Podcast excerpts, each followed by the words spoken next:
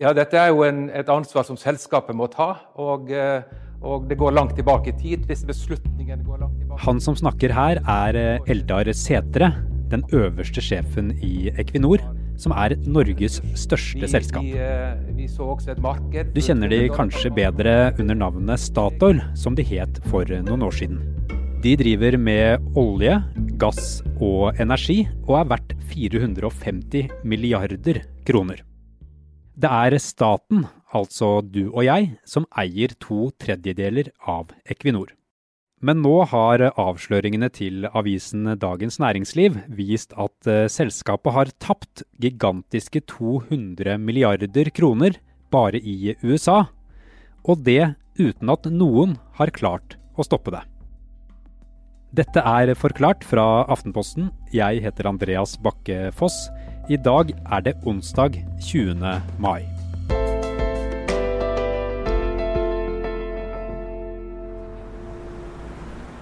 Halla! Er det lov, får vi lov til å gå inn her? eller? Ja. Fridtjof Jacobsen er politisk redaktør i Dagens Næringsliv. Og de har kalt avsløringene sine de hemmelige Equinor-rapportene. Det er en serie eh, rapporter som eh, Equinors internrevisjon har laget selv om eh, deres store satsing i USA, og hvordan eh, det gikk, og hvordan det foregikk. Og det er rapporter som dere har fått tak i. Det er rapporter som vi har, og vi har også intervju med en av de eh, fremste internrevisorene der borte, som er utgangspunktet for eh, Dagens Næringslivs store sak om hvordan eh, Equinor tapte 200 milliarder kroner i USA over en ca. tiårsperiode. Ja, for dere avslører jo at Equinor har tapt eh, ganske store summer, eh, 200 milliarder kroner, på, på investeringer i USA de siste 20 årene. da.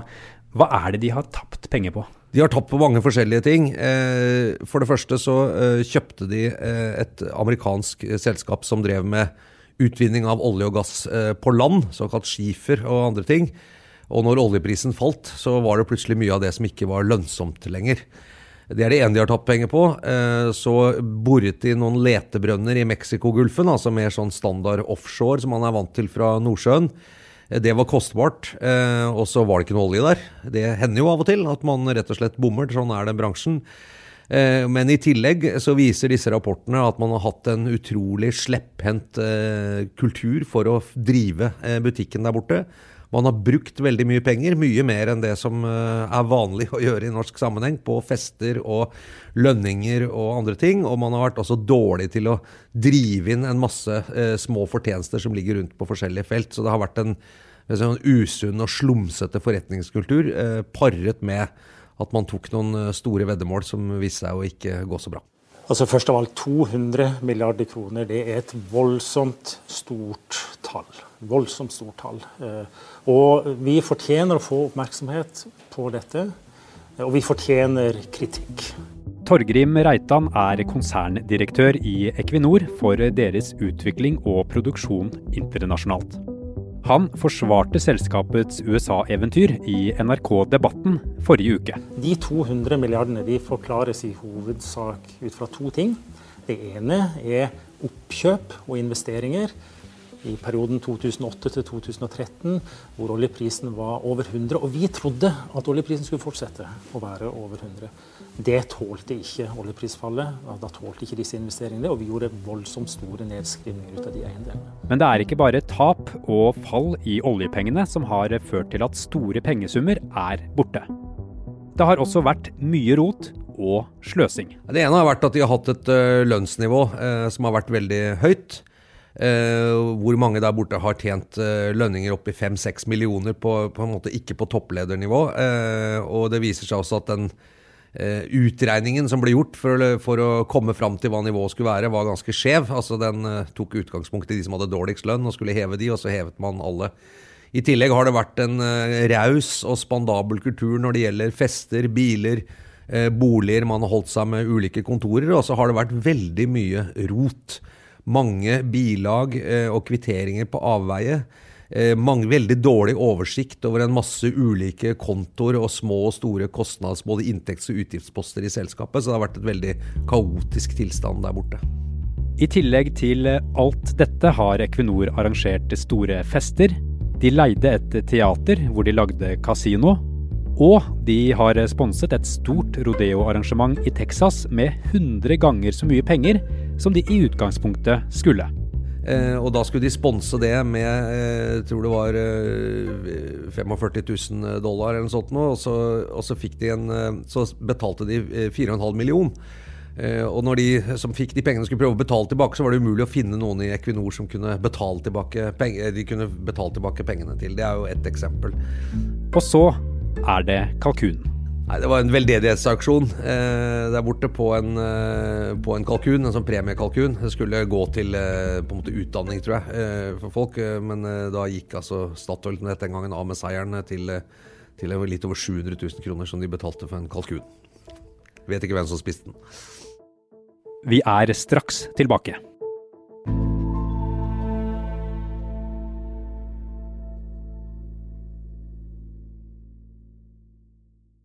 Det er altså staten som eier to tredjedeler av aksjene i Equinor. Og mandag hadde oljeminister Tina Bru fra Høyre et møte med ledelsen i selskapet. Hva vil dere fortelle statsråden? Det får vi komme tilbake til. Ja. Vi tar det etterpå. Først, hun mener kritikken som er kommet er berettiget, og sier hun forventer at selskapet rydder opp. Jeg har fått høre at de har gjort en grundig jobb med å rydde opp i de kritikkverdige prosessene som har vært et problem der tidligere på forretningskultur, dårlig internkontroll osv., og, så og har fått, uh, fått, gode svar på det i dag. Og etter møtet fikk styreleder i Equinor, Jon Eirik Reinhardsen, dette spørsmålet fra NRKs journalist. Hvorfor sviktet internkontrollen i selskapet? Nei, Det er vanskelig å si. Eh, vi har ikke vært tett nok på som selskap eh, tilbake i 2010-2014 antageligvis. Eh, og så er det tatt tak i dette når disse rapportene kom frem.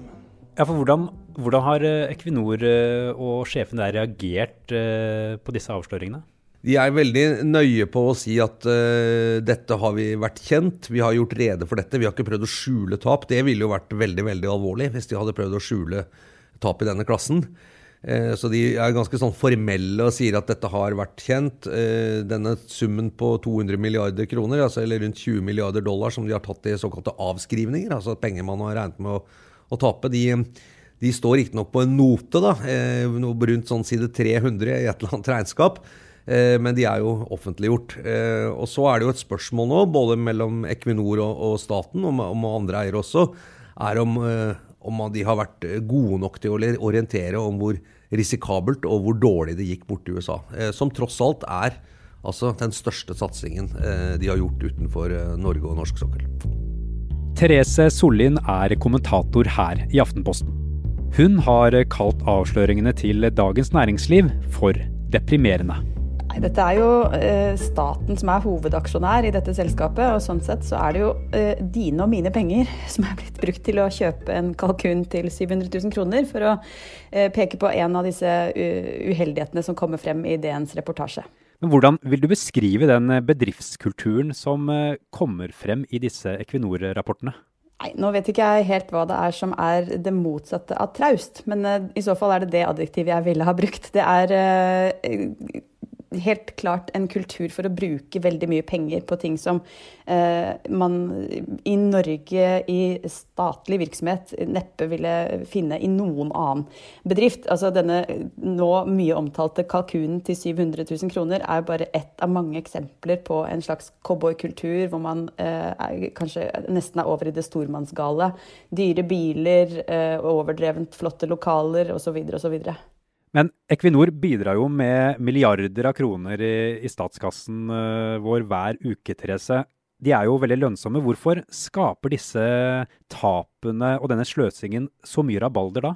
Nei, Det kan du si, eh, men det er jo Én eh, ting er å være lønnsom, men så kan man jo si at de kunne vært veldig mye mer lønnsomme. og Man kan ikke si at siden vi tjener penger på ett område, så skal det ikke stilles krav til at vi ikke skal tape masse penger på andre områder, når dette tross alt er statens eh, penger man forvalter. Da. Det er ikke noe nytt at eh, Equinor investerer mye penger i prosjekter i utlandet. Det har de gjort i mange år. Det er heller ikke noe nytt at eh, Equinor og tidligere Statoil sine forretninger i utlandet har vært det vi kan kalle for dårlig butikk.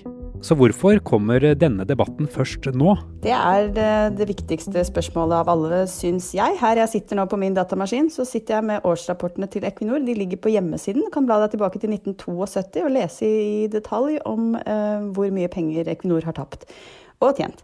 Eh, så eh, denne saken kunne og burde ha vært gjenstand, etter mitt skjønn, for offentlig debatt i beste sendetid hvert år siden kanskje det, i hvert fall siden 2014. For det har stått om dette i Finansavisen, i Dagens Næringsliv, i Dag og Tid, flere andre steder. Og det har likevel ikke skapt noe ramaskrik før dette. Jeg tror det er fordi disse tallene er så store at de, at de blir en slags abstraksjon. Man klarer ikke forholde seg til det. Det blir liksom sånn uh, Man må uh, grave frem disse detaljene som Dagens Næringsliv fortjenestefullt nå har gjort, uh, og vise akkurat hvordan disse pengene blir tapt. Det, det, er først når man kan peke på en Maserati at det på en måte gjør at gjennomsnittsnordmannen blir irritert, da, tror jeg. Men hvorfor er det så viktig for eh, Norge og for oss som bor her, hvordan Equinor drives? Det er avgjørende, fordi dette er eh, pensjonsfondet vårt. Eh, I, altså det, er disse, det, er dette selskapet her som skal, som skal tjene penger i, i, den kassen. Det vi skal leve av etter oljen, det er oljen, dvs. Si oljens avkastning. Det selskapet her er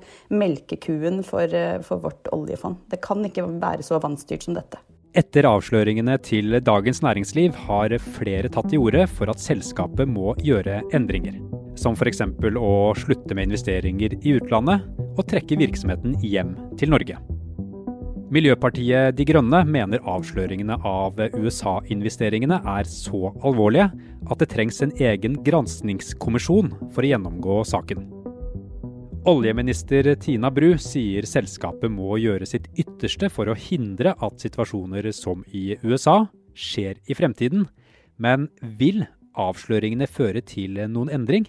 Jeg tror den store debatten kommer til å dreie seg om eierskapet uh, i, i, dette selskapet. Fordi det eh, som denne saken har vist, er at disse store stat, statlige selskapene ofte har litt svak eierstyring, som det heter. Med andre ord, dette er ikke private eiere som sitter og har veldig mye personlig skin in the game. At det er liksom sine egne penger som, eh, som de sitter og forvalter. Og, og den debatten tror jeg kommer til å bli ganske ubehagelig, muligens.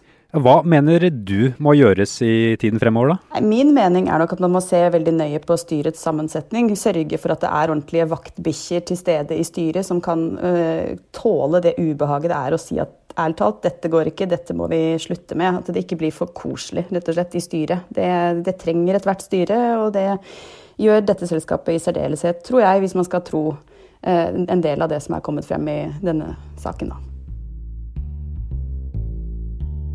Fridtjof, hva mener du bør bli konsekvensene av disse avsløringene?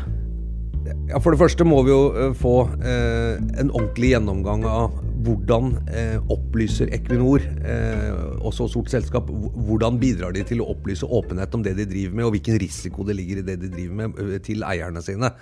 Inklusive da eh, staten, men også andre eiere. Det er viktig å få på det rene. Det andre er jo å tror jeg synliggjøre at at uh, det å drive investeringer i olje utenfor uh, Norges grenser det er forbundet med ganske høy risiko. Vi er liksom vant til at dette på en måte er en pengemaskin som bare ruller og ruller. Uh, men det er ganske mye risiko det. Det tror jeg er viktig å få frem.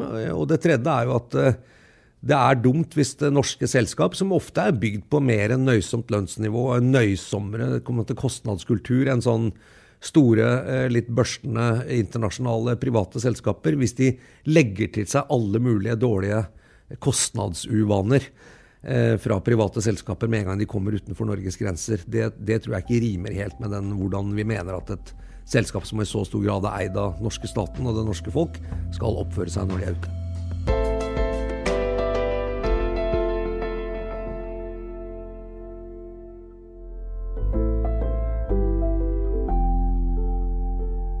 Forklart lages av Caroline Fossland, Anne Lindholm, Fride Næss Nonstad, Marit Eriksdatter Gjelland og meg, Andreas Bakke Foss. I denne episoden har du hørt lyd fra NRK.